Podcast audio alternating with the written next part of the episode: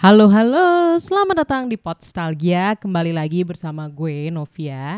Apa kabar semua? Semoga baik-baik aja ya meskipun kita sudah memasuki hampir bulan kedua dari karantina mandiri karena COVID-19. Semoga semua semangat selalu. Dan perkenalkan untuk teman-teman yang belum tahu nama gue Novia.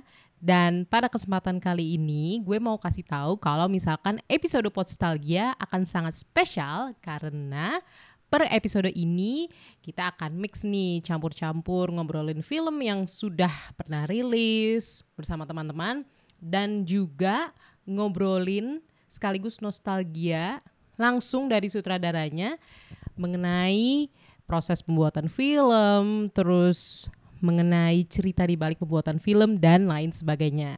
Nah, di episode ini episodenya akan bersama salah satu sutradara yang terkenal dengan berbagai penghargaannya yaitu Anthony Chen. Dia mendapatkan kamera d'or dari Festival Film Cannes. Luar biasa ya. Jadi kamera d'or itu adalah penghargaan bagi sutradara yang merilis film debut dengan luar biasa. Kalau Anthony Chen menang di kamera d'or dengan film Ilo-Ilonya.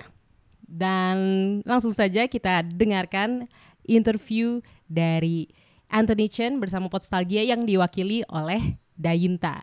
Yuk kita dengerin, tapi kita dengerin dulu jingle dari Podstalgia. Uh,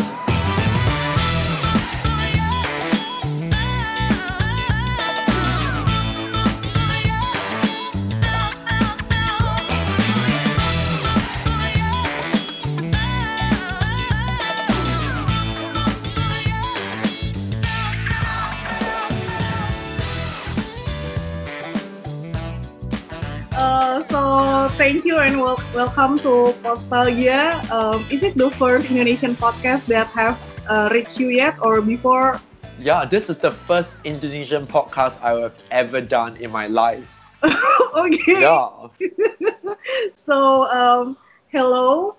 Uh, maybe we can start by uh, what is the major reason or what is the big push uh, why you want to make Ilo Ilo story as your debut feature film because I see that before you already uh, make a short film right but why you make this as a your feature film Ilo Ilo Um, I think when people see the film, they can tell that it is quite personal, and um, you know the inspiration of the film really came from my own childhood because um, you know I grew up in Singapore. We had uh, a domestic helper from Philippines who worked in our home for eight years. Um, I wasn't an only child. You know, in real life, I have two younger brothers. Uh, and you know we do have um, a Filipino helper, and her name was Teresa, and we called her Auntie Terry. Um, so it's quite interesting because I think I made a lot of years of short films. I went to film school in Singapore, and I went to film school in the UK. And after making you know close to eight short films, you know, I knew it was time to do my first feature film. I you know, when I was figuring out what I wanted to make as my first film, you know, it's it's quite odd. It's not like I chose to make this film. I felt like this film was urging me to uh, tell the story. Yeah. Um, you know, like I was dreaming about it. I was thinking about my childhood. I was thinking about, you know, the sort of dynamics at home. I was thinking of what happened during the financial crisis. My father lost his job during the financial crisis, and he never got uh, a, a good job again. Um, so, so in a way, it's it's it's very personal, and and that was what I wanted to do. You know, I wanted to tell um, a film that was honest, that was personal, um, uh, something that uh, I feel very deeply about. Yeah, and I think your reason, the honesty that you want to bring to the film, it's also felt by all of the audience here. Like uh, for me also, because um, Singapore is like Indonesia uh, neighbor, right? Like uh, for me, for an Indonesian, when I think about Singapore, uh, I see like tall buildings and you know the glass and the ceilings and all of the developed part of it. But when I watch Ilo Ilo, I see like more like human stories in it, and um, a lot of Indonesian, especially the middle class family here, also hiring a domestic worker and uh, most of them are also coming from other regions uh, outside Jakarta, outside big cities. And when I see your movie, when I and also my friends watch your film, it's like wow, um, it's not only happened here in Indonesia, it's also happened there in Singapore, especially uh, with the setting of the Asian financial crisis. It well, it's a big um, big moment for all of us in Asian country, and um, you said that Auntie Teresa. So the name from the film and your real life mate is same. Yeah, it's it's exactly the same name, and I think what was very interesting about the experience of making this film is that um, actually after we grew up, um, um, she returned home to the Philippines uh, when I was about 12, 13 years old, mm-hmm. and we have never seen her since. You know, for um, at least what um, 18 years, 18 to 20 years. And it's very interesting that you know after the film, you know, went to the Cannes Film Festival, it won a huge prize. You know, the media in the Philippines actually contacted me and and they were very curious to know, you know, who is this person. And it was through this film that I we actually found back, you know, our Filipino helper, our Filipino sort of like maid, um, Auntie Terry. And for the first time, I went to the home uh, hometown, and her hometown obviously is Iloilo, oh, yeah. and it's the first time I've been there.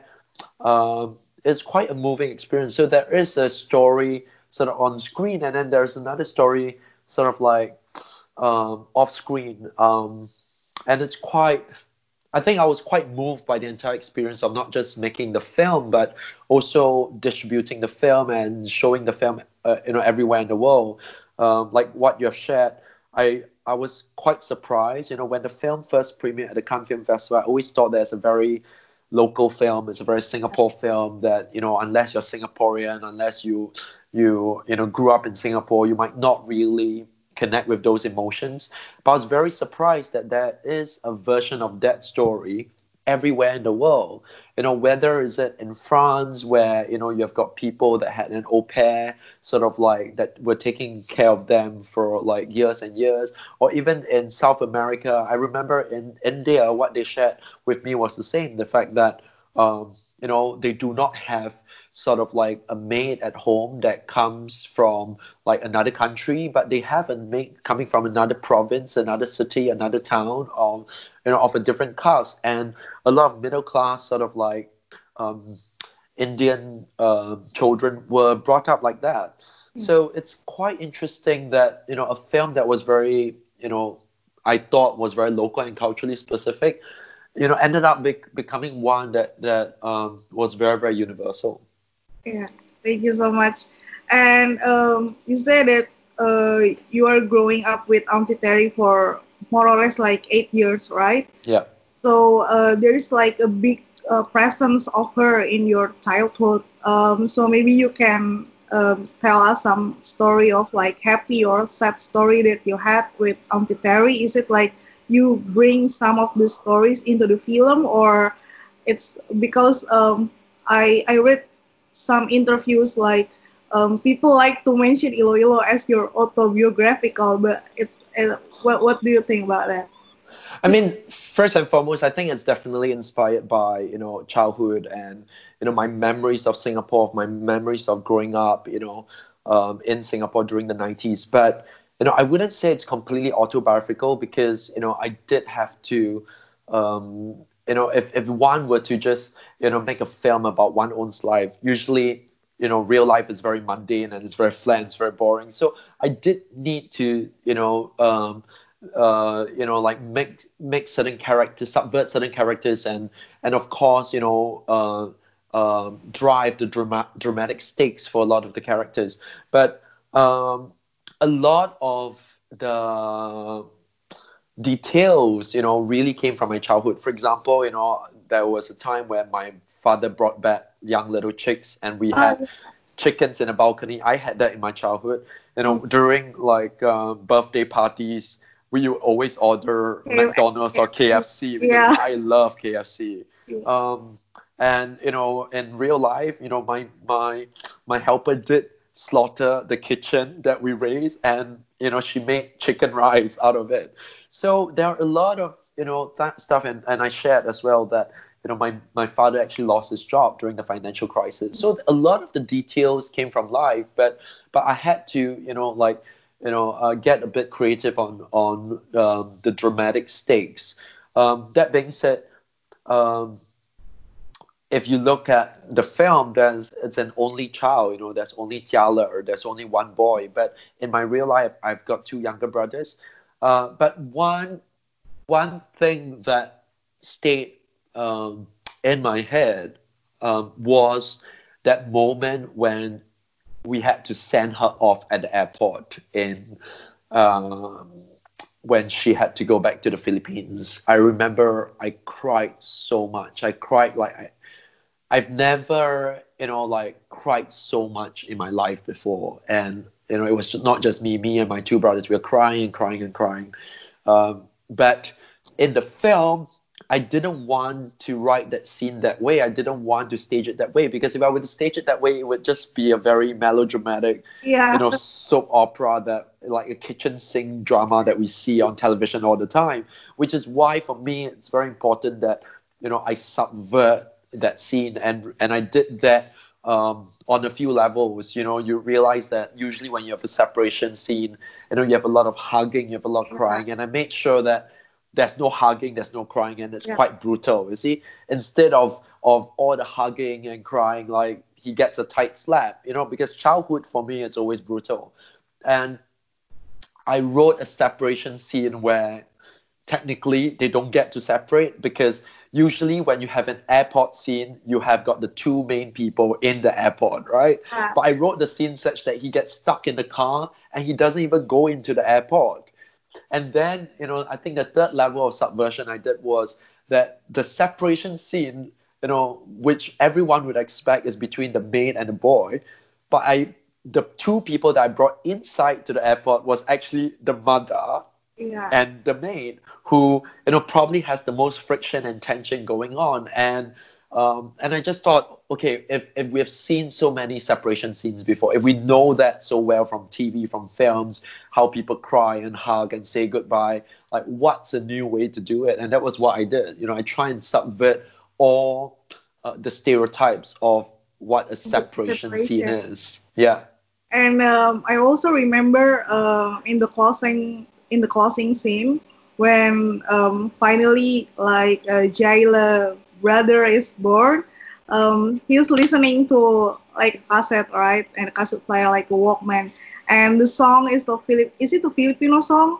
It is a, a Filipino song, and I discovered that song. Uh, I knew when I wrote the script, Yeah. uh, and I knew that it's going to end with a Filipino song because in the film, I've I've shown that you know like um, uh, Auntie Terry always listens to the Walkman, and you know like there's a scene where you know she's holding on to his uh, her earphone. So my idea is that she probably left this Walkman for him, you know Yeah. and and I was I knew on the script, you know, I wrote it down that there would be a Filipino song that played, and um, so in a way, I was just listening to a lot of songs, and this song just uh, moved me a lot. Uh, when I first listened to it, I didn't, and I knew it needs to be a song from that period. You know, it needs Yeah. to be a song from like the 80s, the 90s. It can't be a song from present day. So I was listening to a lot of music from that time, and I was also, you know, asking Filipino filmmakers for some, some uh, advice, and I was listening to a lot of music.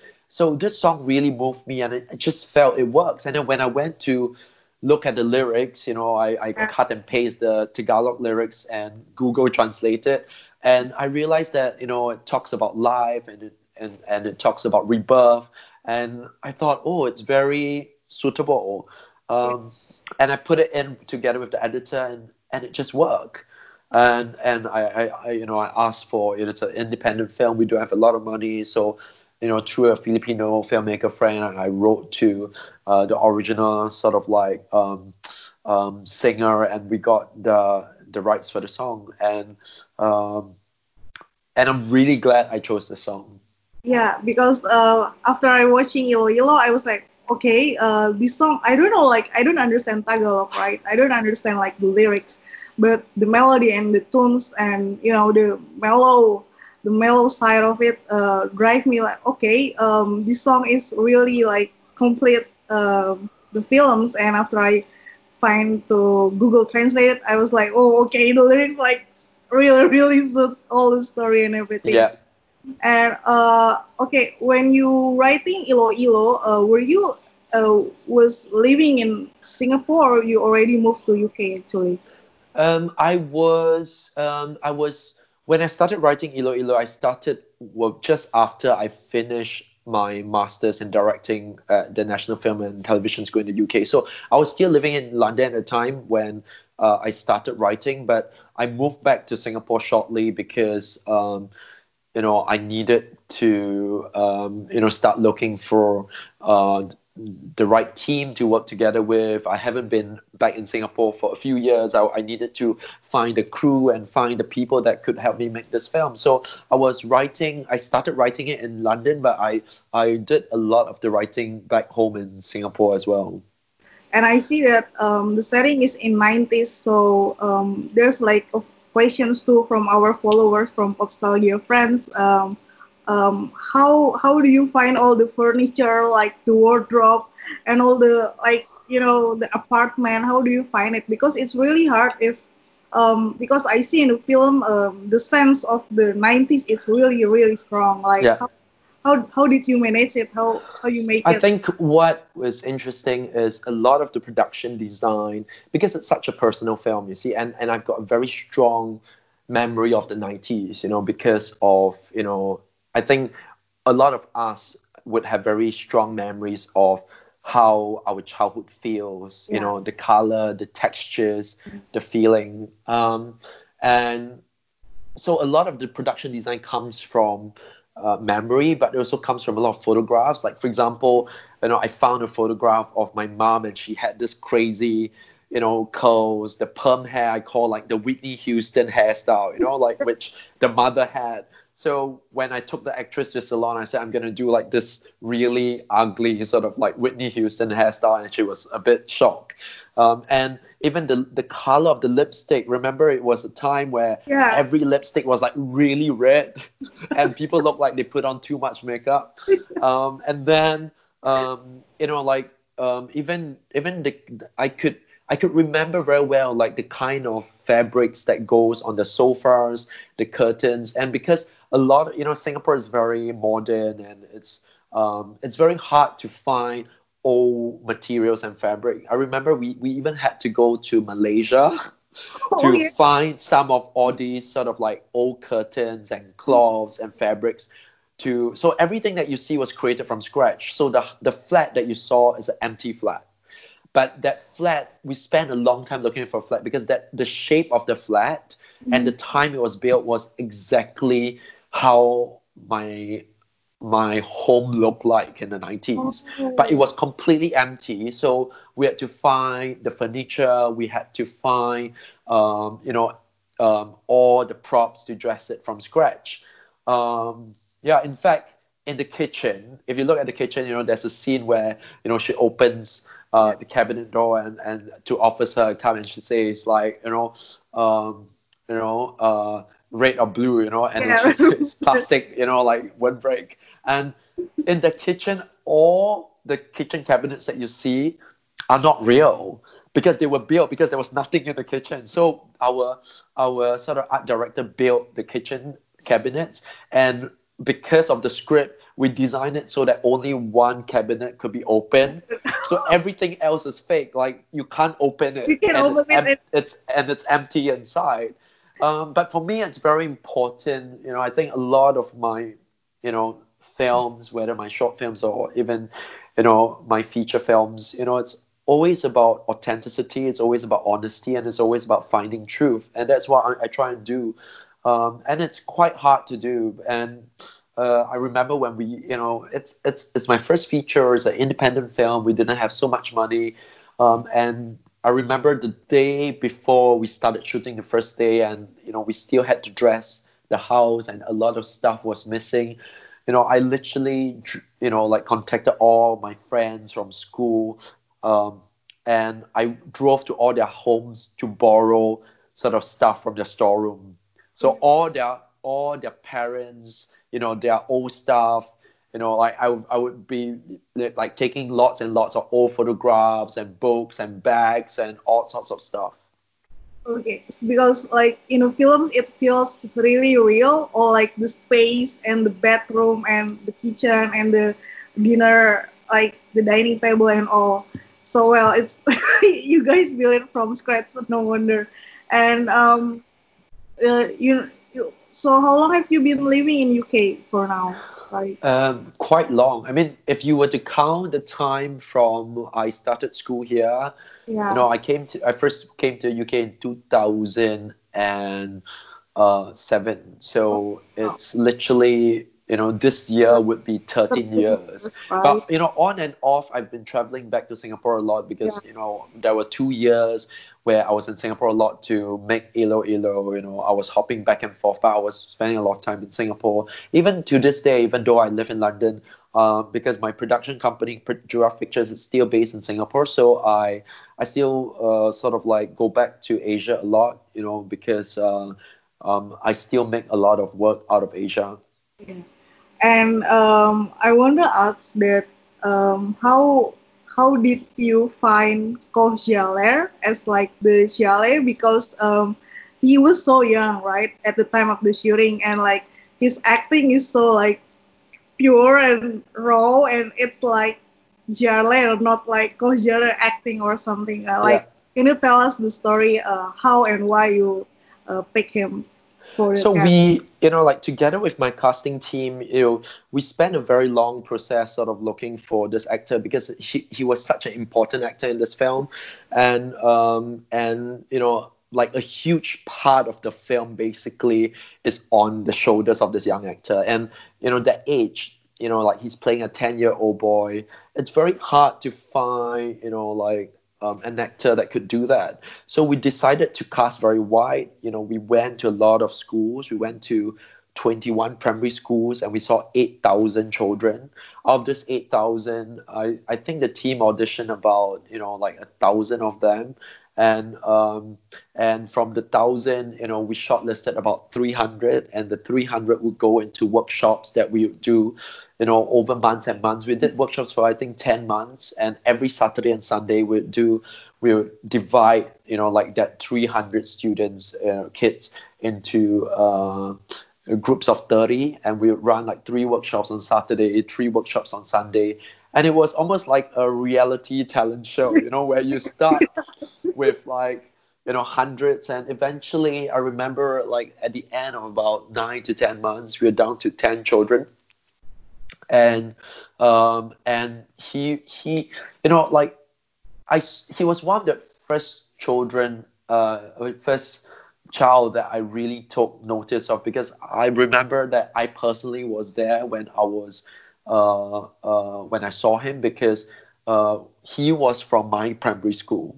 So oh, he so I went back to my own primary school and we, we lot, saw lots of children. And I remember like he was doing a performance for Teachers Day on stage and there was a certain he was doing like martial arts like kung fu. And there was a certain um, confidence. There was a certain sort of uh, uh, grace um, and you could see like he, he really spark. He really spark. You could feel it.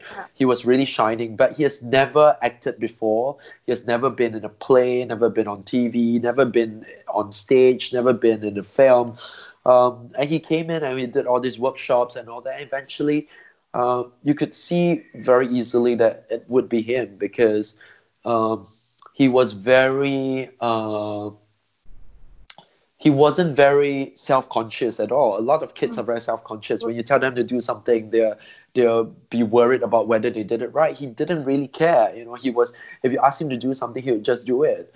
And uh, but he was very very naughty. He was a very naughty boy. Like I remember on set, he drove all of us nuts. He drove like the actress playing the Filipino uh, helper, like Angeli Bayani, like really nuts.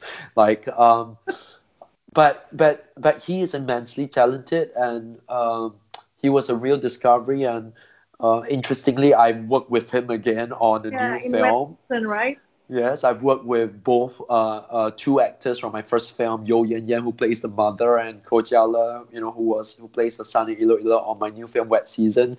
And so it's quite interesting, you know. I feel like with with filmmaking, you know, a lot of times you think you go on a journey and you think you know what to expect and you know what you're searching for, but sometimes, you know, like there is some kind of divine, you know, authority or, or, or you know, I'm not a religious person, you know, so, you know, I, I don't really believe, you know, like, you know, in that one God or whatever it is, but I believe that there is something out there that's probably guiding us in very weird ways and um, somehow you know I discovered this boy, and six years later I rediscovered him again, and I have no idea that he's still so good.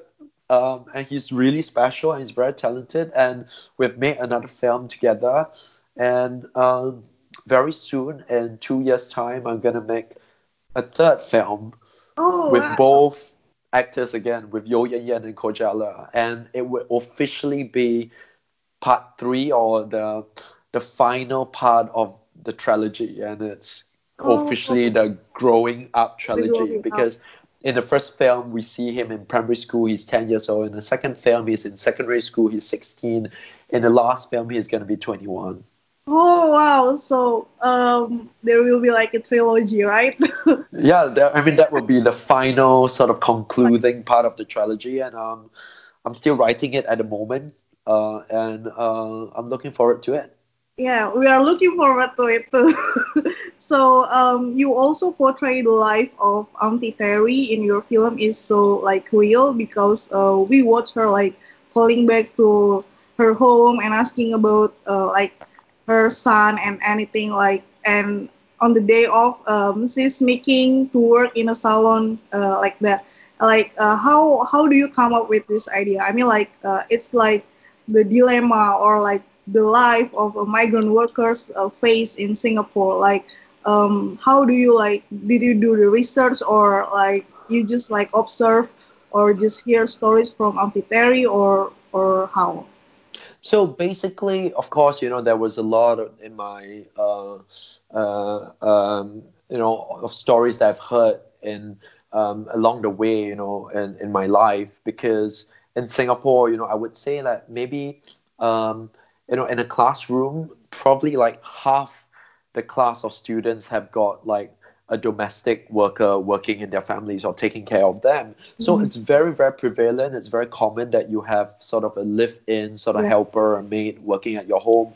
Um, and um, I remember when I was writing the script, I reached out to uh, uh, sort of like uh, uh, organization, uh, NGO that Oh. sort of does a lot of work uh, with sort of like domestic workers, you know, from you know uh, from Indonesia, from Philippines, from Myanmar, from you know other parts that, and um, I did a lot of interviews as well, and you start to, uh, you know, you a lot of it you sort of know, but you start to really put a face to those stories, and at the same time, it's quite interesting, you know, like, you know, I've realized like over the years that, you know, I think all Asian economies or a or Asian countries, we are so driven by a kind of pragmatism, you know? Yep. Like it's completely driven by by numbers and the economy. So it's it's it's it's quite ironic that you have got uh, you know, like sort of mothers who give up their children and give up sort of like taking care of their children so that they can work and and yet um, and then in the same way like with all these uh, domestic helpers they are sort of leaving their children behind you know in the philippines in indonesia you know so that they can make you know a better living. Um, and they actually end up taking care of other people's children like Yeah. in singapore you know in in sometimes in hong kong or even like as far as like canada australia and even like in the middle east in dubai. So um, i find it really ironic you know that that you know in every and it's all driven by um, economics you know like i want to make more money so that i can earn a better sort of living so that i can provide for my children. But but but sadly, you know, it means I'm not taking care of my children, and I put that care, you know, to someone else. Yeah. Um, and it's sort of a cycle, a vicious cycle that goes on and on and on and on. and still going up until now. Yeah, so I find it quite cruel, and in fact, I find the system quite brutal. If you think about, you know, a lot of these, um, you know, foreign sort of domestic workers that come to homes, you know, like in Singapore or Hong Kong, and they work in your household, and they spend so many years. I remember, like, I had we had a Filipino helper for eight years, but my cousins they had an Indonesian helper for 20 years. So like for so many years, so they become part of your lives. They almost feel like another mother to you or like a family member. But eventually, you know, when it's time to go home, when the family decides that oh the children have grown up or or we don't need the helper anymore or or we have run out of money. Um, and it's so brutal. They just, you know, it's the adults that sort of cut off the lines and they get sent home, and um, it's very cruel and it's quite painful. Yeah, true. And like here in Indonesia, there are a lot of left behind families, left behind son and daughters because their parents have to like go abroad to make a living. And like you said, um, there are a lot of people who hasn't coming back home to Indonesia because of um, they are working abroad. And when they are coming here, um, sometimes their children doesn't know like her, her or his father or mother because of it. So yeah, the irony and like you know the brutality of the, the economics, how the economic is going um, in our world is also reflected in your film. And um, and in in Ilo, I realized that there there almost no music at all, like throughout the film. Like, um, do you have like any specific reason why you want to do it that uh, this way? Because uh, sometimes I see a lot of movies, a lot of films that put uh, a lot of uh, like you know background music as uh, in the in the scene and everything, but um, you really put it at the end. Like, uh, why why do you choose this way? You know, it's for Ilo Ilo. It, it was my first feature, and Mhm. it came as a surprise for me as well because I I thought I was gonna have music in the film. Um, in fact, I I hired a film composer and I said, oh, you know, when we have the Oh, you know start uh, when we have like a second cut ready, you know, I'll show it to you. And but when we were cutting the film and we put it together, my uh, my editors and I we we have no idea where to put the music. Um, and then we were figuring out, yeah, where do you put the score? Like, uh, what score does you know? Because it was already very emotional, and uh, so I I sent it to uh, the composer that I was looking to work with, and he's um, he's based in London. He's British, and he saw the film, and then we met up in a cafe, and and he said, um, you know, I never uh, ever tell directors this, but I don't think your film needs any music because you know, like everything it's there and it's emotional, and I'm not sure if if music will make it too sentimental or it, it, it would it would just be actually spoiling uh, the atmosphere that the film actually has already.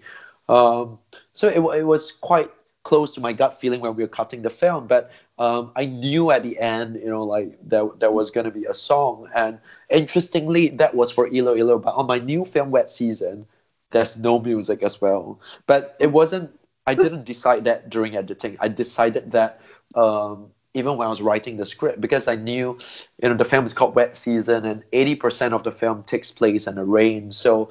I decided that um, the rain is going to be the score and the music for the film. So apart from, you know, just like Ilo Ilo, apart from moments where there's diegetic music maybe come out out of the radio or something like that, um, there's no score at all apart from a song that comes at the end of the film. Um, I don't know whether there's gonna be music in my third film. I hope so because otherwise I'm I'm gonna be known for the director that doesn't use any music. Music. And um, yeah, but but as much as I don't use a lot of score in my films, but um, but sound is still a huge part of my filmmaking, and, and I work uh, really hard with my sound designers to uh, to get the tension and atmosphere and uh, uh and the nuances um, uh, right in in my work.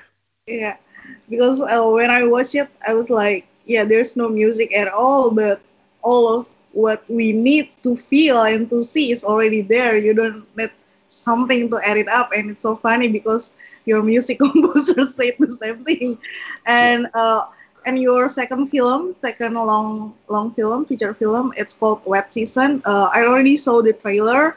Um, it is screened in Toronto, I think, and it also screened uh, through a streaming service called HOOQ.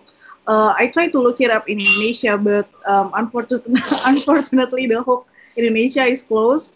Um, so maybe I'm looking forward to see it. But um, as I know from the trailer and also the synopsis, uh, Wet Season is uh, a lot talking a lot about a relationship between a student and a teacher, right?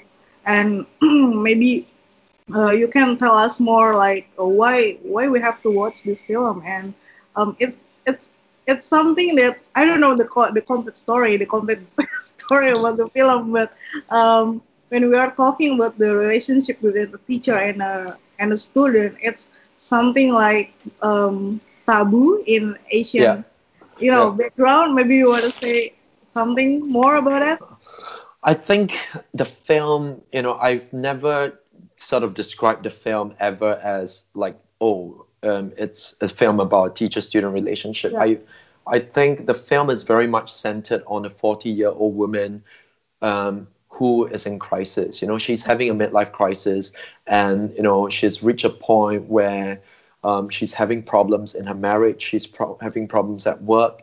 Um, she's having problems in her family and personal life, and it's about how she needs to, uh, you know, find herself again and um, and start life over again. So for me, it's really sort of um, um, about a woman that needs to sort of find some form of self salvation. Uh. Um, so I, I I've never sort of like put the emphasis on the teacher student relation, even though of course you know through the trailer and and it's very easy for critics to write about the angle, and um, if you notice in Ilo Ilo, um, you know I like to sort of um, um explore themes about you know what it means to be a mother what it means to be family you know like it's family a relationship that is connected by blood ties yeah. or you know or can two strangers be a family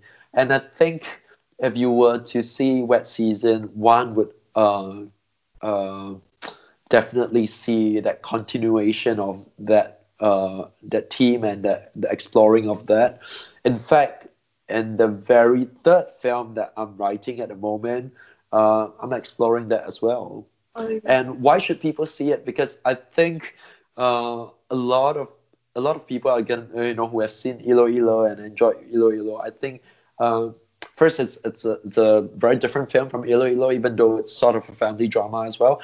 But um, but I think you'll be very intrigued uh, to see Koh Jia Ler sort of grown up, you know, like from you know when we shot him in Ilo Ilo he was 11 and now he's uh, when I shot him in Wet Season he's 17 um, and you would see how different uh, the actress Yeo Yann Yann you know looks in this film completely different um, and and I would say it's it's um, is probably a career best performance from Yeo Yann Yann, and, and it's uh, definitely worth watching. And I, I, hope at some point Indonesian audiences will get a chance to see it. Yeah, I'm into that.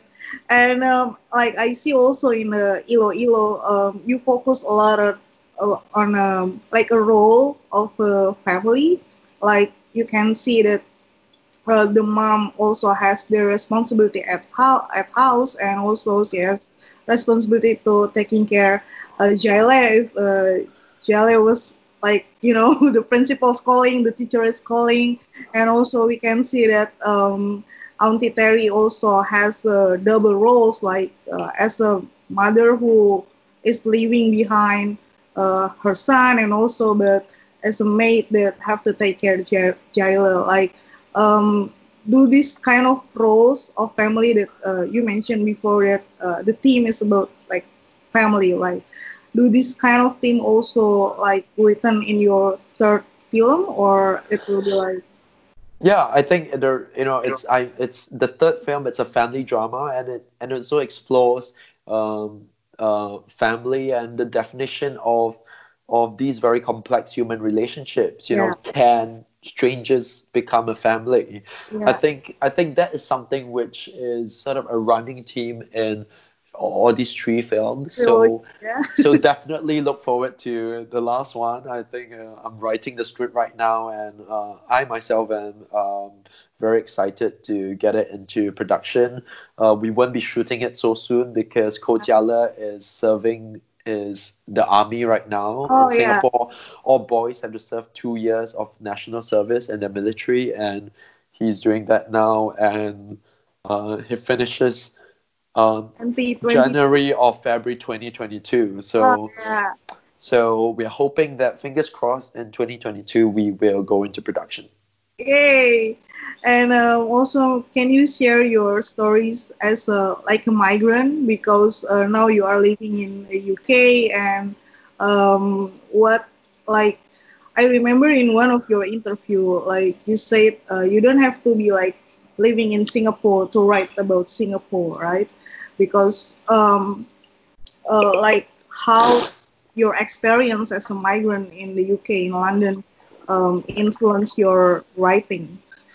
I think it's not so much about my experience as a migrant in London, but I think it's the experience of living um, outside of Singapore and living, um, you know, like, um, or looking at Singapore from afar that really informs my work. I feel, you know, if I was still living in Singapore, um, perhaps Il- the the Ilo Ilo that you see might not be what it is right now.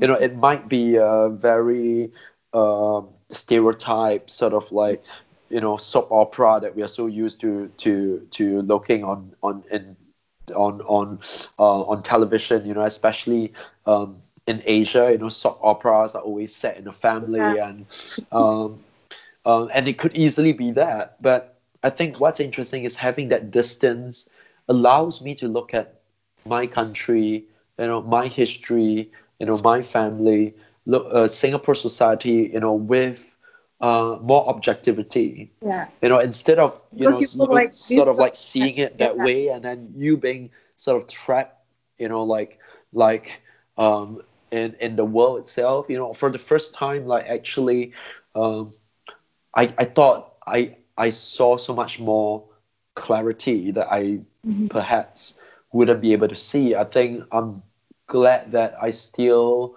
live outside of Singapore. I think it's the same sort of gaze and certain, the same sort of eyes that I use uh, to write Wet Season. And also now I'm writing my third film. I'm not living in Singapore, but you know these days, you know I, I, I still go back to Singapore quite a bit. You know maybe two months or uh, in a year. You know sometimes even longer, much longer, maybe five six months if I'm shooting a film there. But because we are so connected, right? These days, you get to read the news on social media, you get to read the news online through newspapers. That even though you are not back uh, physically at home, but you really get a sense of what's going on. Yeah. Um, but it helps me to the distance actually helps me uh, to to gain a much clearer perspective. Yeah. Okay. And um, there are some questions too from our Podstalgia friends. Uh, maybe can you share your most or favorite influential film director? Like someone like you really love the works and everything? Yeah, I mean, I've got, uh, you know, it's very hard for me to sort of like choose one, you know, but, Yeah. um, but you know, I've a lot of filmmakers I admire, you know, um, I I love Yasujiro Ozu, the Japanese director. I love, you know, like, you know, I like Ang Lee a lot for his the humanity in his work. Uh, I I I like Edward Yang. Uh, I I I my most favorite filmmakers probably Lee Chang Dong, the Mm. Korean sort of auteur, Korean master, and then you know I also like you know Hirokazu Koreeda, the Japanese uh, director. I I am a huge fan of Francois Truffaut, you know the the French New Wave uh, director. Um, I I have a very wide taste, but Yeah, I can guess the the filmmakers that I connect most and the filmmakers that speak to me most are those who uh, are interested in the human condition and um, and you feel a sense uh, of truth uh, and humanity in his in their work. Yeah, like uh, for Hirokazu Koreeda, like his works is talking a lot about like family complex relationship too.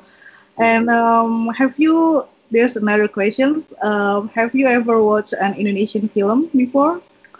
Yes, I've watched Indonesian films before, and actually, uh, What do you um, actually, I have a friend uh, who's an Indonesian director, Mouly Surya. oh yeah, Mouly Surya. Yeah. and I uh, um, I love Mouly. I think she's incredibly talented. You know, I've seen all her films. You know, from her very Oh. first feature all the way to uh, Marlina. You know, Yeah. and and I'm so um, I'm almost so jealous that she's so good sort of at diving in and out of different genres and styles and and and um, you could see you know for me you can tell uh, uh, by two things you know whether you've got a good director you know like whether you can direct great performances out of the actors and also where the director is putting the camera. And it feels like in all her works Mouly seems to know what she's doing with the camera and it's uh, I think her filmmaking is very assured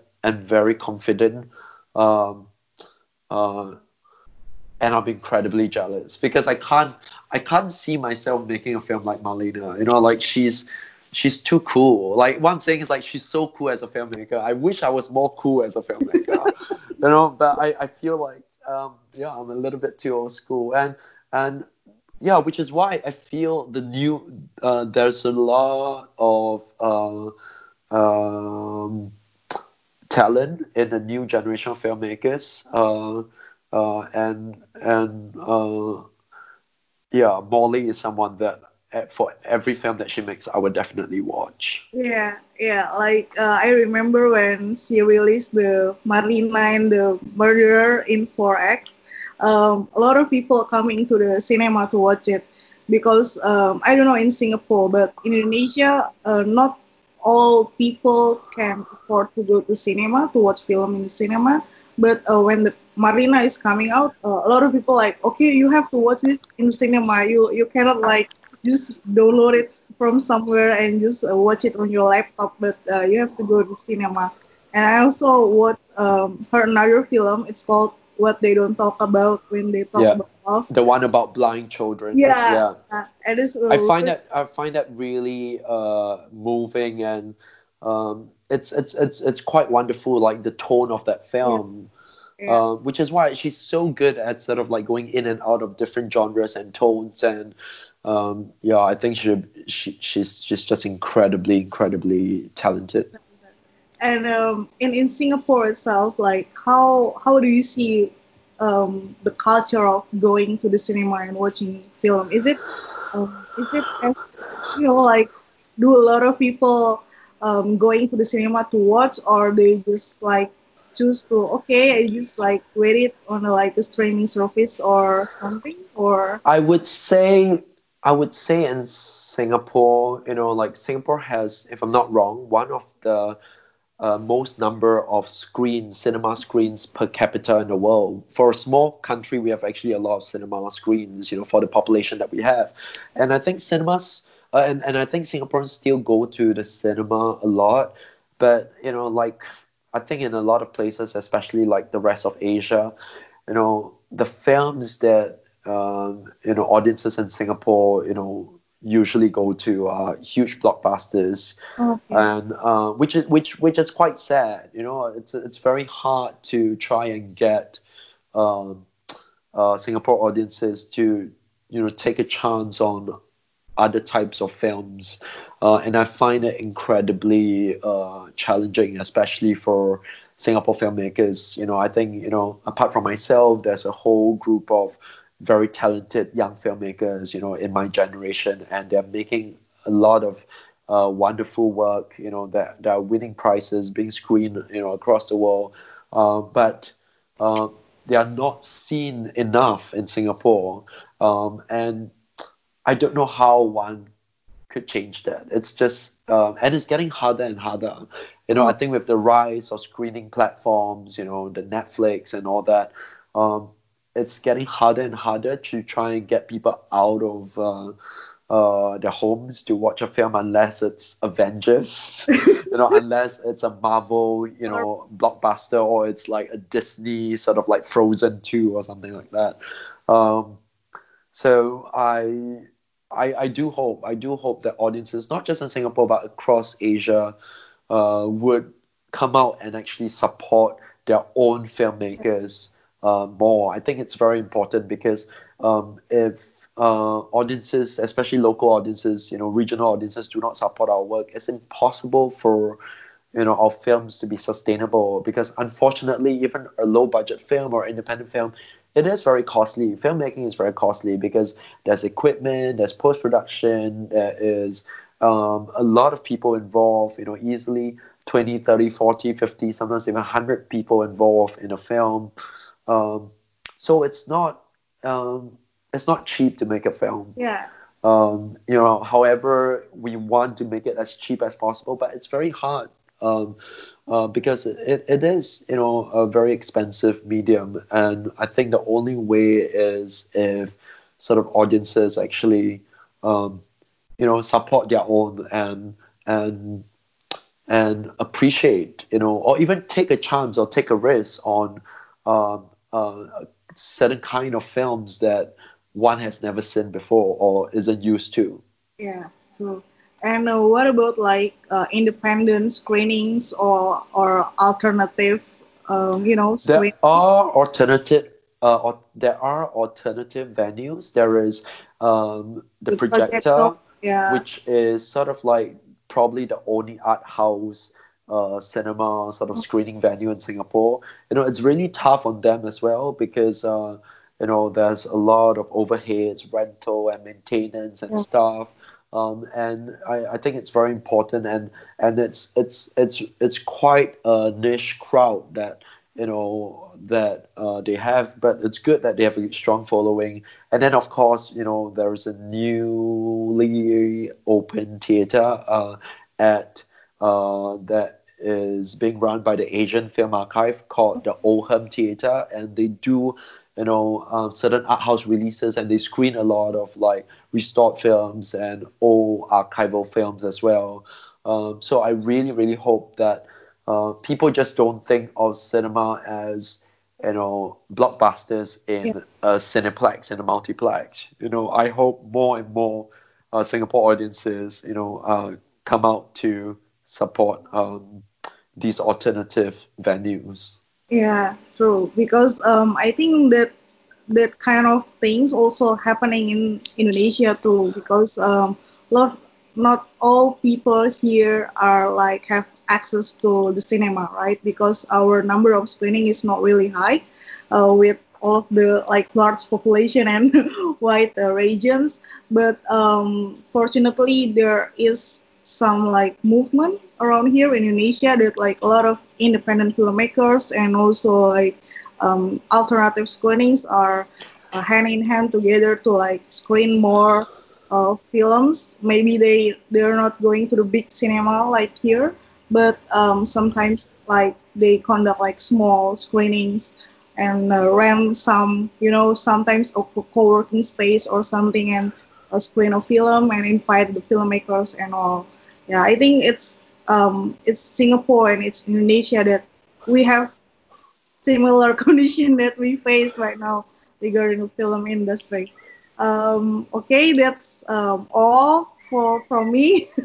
all of the Great. questions already answered, and um, maybe you wanna add something that uh, you wanna say to your fellow young filmmakers because there are a lot of I believe there are a lot of uh, young aspiring filmmakers in Asia right now, and they, I don't know, what what do you want to say to them? Um, I would say you know it's it's it's really tough work. I think if you are if you want to be a filmmaker, it's very important that um, you're in it for the right reasons. Um, it's because you love film. It's because you love cinema, and perhaps you're willing to die for cinema. Because um, don't be a filmmaker if you're what what if you're in love with the idea of being a director. Um, because um, you soon realize that that there's like actually behind you know the red carpet behind the you know uh, lights camera and all of that uh, behind all that limelight it's actually a lot of struggles and a lot of hardship, a lot of you know sweat and tears and you know blood, sweat and tears. I would say. Um, so, um, but but if you're really passionate about it, um, if you know you're dying to tell stories, you know, using that that visual medium, um, do it and keep trying and um, and don't give up and the other thing I would say is, I think it's very easy to be so obsessed with the idea. I realize I, when I, you know, sometimes I teach from time to time, you know, at mm. at a film school here in the UK and sometimes in, in Asia as well. And I realize it's so easy to be obsessed with the idea of wanting to be the filmmaker, wanting to be the director. But um, I would say you know, it takes a certain personality to be a producer, a certain personality to be a director. And, you know, even if you realize or you discover that, ah, maybe I not, I don't have that talent in that department or I, you know, it's not something that's suited to my personality, you can still continue working in film in different ways. Yep. You know, you could be, I would say we are lacking in a lot of very good sort of like uh, people in uh, art direction, in the art department, production design, in in sound design, um, in uh, makeup, in costumes, in wardrobe, and there are a lot of ways where you could actually contribute to actually, uh, to make a good film. Uh, and on the other side, you know, you perhaps you you could be working on marketing for a film. You could be, you know, um, uh, writing about films. You could be a film critic. I I, I just think it's important that apart from people, uh, there needs to be uh, uh, groups of people that are making films, but there needs to be groups of people like like yourself as well. You know, writing and talking about them and actually connecting the work with audiences. Because otherwise it's very hard when audiences go in and oh yeah but this film is so slow or this film has no music. Oh this film has subtitles and they struggle with it. But it takes sort of like writers and bloggers and you know and uh, people that want to talk about cinema and people that that you know can actually uh, explain uh, to audiences you know how to read a film how to understand a film how to understand the subtext in a film. And and i think uh, that's very very important too. Yeah. Yeah like we all love cinema and we can like contribute to it in many forms that we can right? Not yeah. all people um, becoming a director but we also need like audience. We also need the editor and also um, the like the art department and also we also need the marketing and yeah like you said uh, i think it's what what is so great about cinema it involves a lot of people and it also like you know put all of us um, together like loving something that um, struck a chord in all of our hearts. Um, okay, um, thank you so much, Anthony. That's um, all from me, and um, I hope Indonesian people can watch uh, Wet Season as soon as possible. And oh, uh, I I remember that you also make a short film called Haze, right? Yeah, I've made a lot of short films. I think I've yeah. made at least ten short films. Ten short films. Like, um, maybe can you share like um, because I have been like looking and searching uh, some of all your short films. Uh, I only find like um, in Fitzy, one of your short film about like calling back home. Yeah. That one, but uh, how do you do you know like do you post it or share it somewhere like Haze and Ahma and Um, other I think if I'm not wrong, Ahma is on YouTube. I think. Ahma. Okay. Yeah, but Haze is not available anywhere yet. Um, um, yeah, some of my short films they they they're widely screened. They've in the past at festivals, but but uh, they're not available um, online. So, um, but um, but if people are interested, um, um, there is uh, sort of like uh, a company uh, which is uh, uh, called Like- Objectifs Oh, in okay. Singapore, and they work with a lot of uh, filmmakers on their short films, and Mhm. I think that, I think they're finding ways to actually uh, exhibit and show these uh, films more to uh, uh, audiences everywhere, including those outside of Singapore. Okay, because uh, when I see the like the premise of Haze, it's so interesting because because it's related to like uh, what happened here in Indonesia with all of the fog, the haze, Yeah. and uh, fire, forest, and everything. So um, I hope I and my friends maybe in the future can contact Objective and try to exhibit uh, some of your films as well Yeah. here screening. Um, have you come ever to Indonesia like for a screening or something? You know what? I was in Indonesia a few months ago for an event that Hope did. Okay. Uh, and it's the first time I've been back in Indonesia for, I think, 25 or 30 years. Oh, yeah. Yeah, because I think the I think the last time I was in uh, Indonesia before, like last year, I, I went once just for one day. You know, just for one day. I went to Jakarta for one day. But the last time I was in Indonesia, oh, actually, I've been to Indonesia a lot because I, I you know, Singaporeans we go to Batam Oh, yeah. and, and Tanjung Pinang for holidays a lot. So, uh, you know, and I've been to Bali, but Jakarta, the first time I've been to Jakarta I was 10 years old, and the second time I've been is literally like 20 years later last year. Wow. Maybe. Yeah, 25 years later. Oh my God. Yeah. Yeah. And, and Jakarta has changed so much. In fact, I'm actually looking forward to going to Jakarta more because I, I, even from my short, you know, stay just one day in Jakarta, I feel a certain vibe. I feel a certain energy, and that that energy is quite exciting. yeah. Yeah. Maybe you will like the chaotic energy here in Jakarta. Yeah, maybe I think so. It's it's it's wildly, wildly different from Singapore. yeah, yeah, very different. And yeah, um, Batam, Tanjung Pinang. I already like went to Batam and Tanjung Pinang only like once um, in my life, like last year. But um, to Singapore, I went quite a lot, maybe like two times a year, like for meeting my friends and my um, my my family there. So yeah, and um, thank you so much uh, for your time